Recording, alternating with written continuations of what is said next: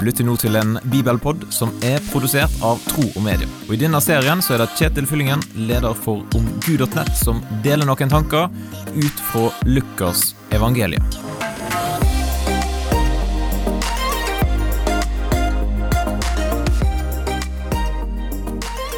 Er du god til å tenke utenfor boksen? Finne nye, kreative løsninger på problem som oppstår? Er du en som ikke gir opp i møte med motstand?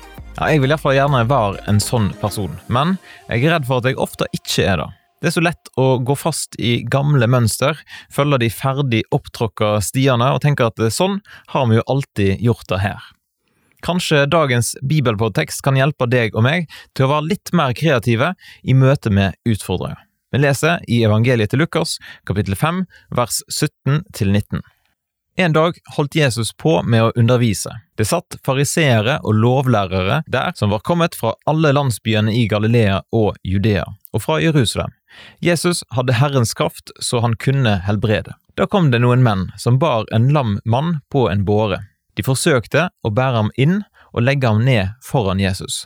Men fordi det var uro å få han inn, på grunn av trengselen gikk de opp på taket, fjernet noen takstein og firte ham ned på båren, midt foran Jesus. Det er mange ting å fundere litt på i denne teksten her. Noen menn bar en lam på ei båre for å ta han med til Jesus. I mitt hode har dette alltid vært fire menn, for på en måte så er jo det logisk med tanke på hvordan en praktisk kan bære ei båre, men det kan jo ha vært flere, og muligens òg færre. Det jeg lurer på er jo hvem av disse var det som kom med ideen om å ta vennen med til Jesus. Da er jo i utgangspunktet å tenke litt utenfor boksen. De blir møtt av en vegg med mennesker, noe som òg er noe å reflektere litt over. De som står i døråpningen var ikke veldig interessert i å slippe inn noen nye. Hva sier det om deres holdninger? Uansett, de kommer der, og så møter de motstand. Det naturlige for mange da vil være å snu, og kanskje heller prøve igjen en annen dag. Men denne gjengen her, de lar seg ikke stoppe. De er både kreative og litt destruktive. Sant? De lager et hull i taket, men de er jo òg nøyaktige. For de treffer akkurat der Jesus er. Så de handler ikke helt på impuls, de har tenkt gjennom saker og ting og funnet den løsningen som de mener er best. Jeg vet ikke hvordan det er med deg, men jeg har iallfall lyst til å være mer lik disse vennene som tenker kreativt utenfor boksen, og som ikke gir opp når de møter motstand.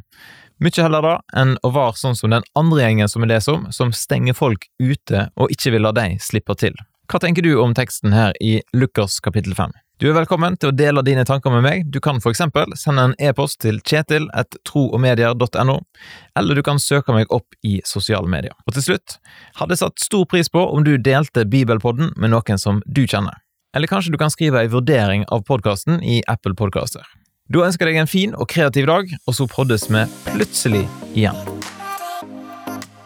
Takk for at du lytter gjennom denne bibelpodden. og Vil du gi en tilbakemelding på det som du hørte, eller vil du lære mer om kristen tro? Da kan du gå til nettsida omgud.nett. Eller du kan sende en e-post til kjetil etter troogmedia.no.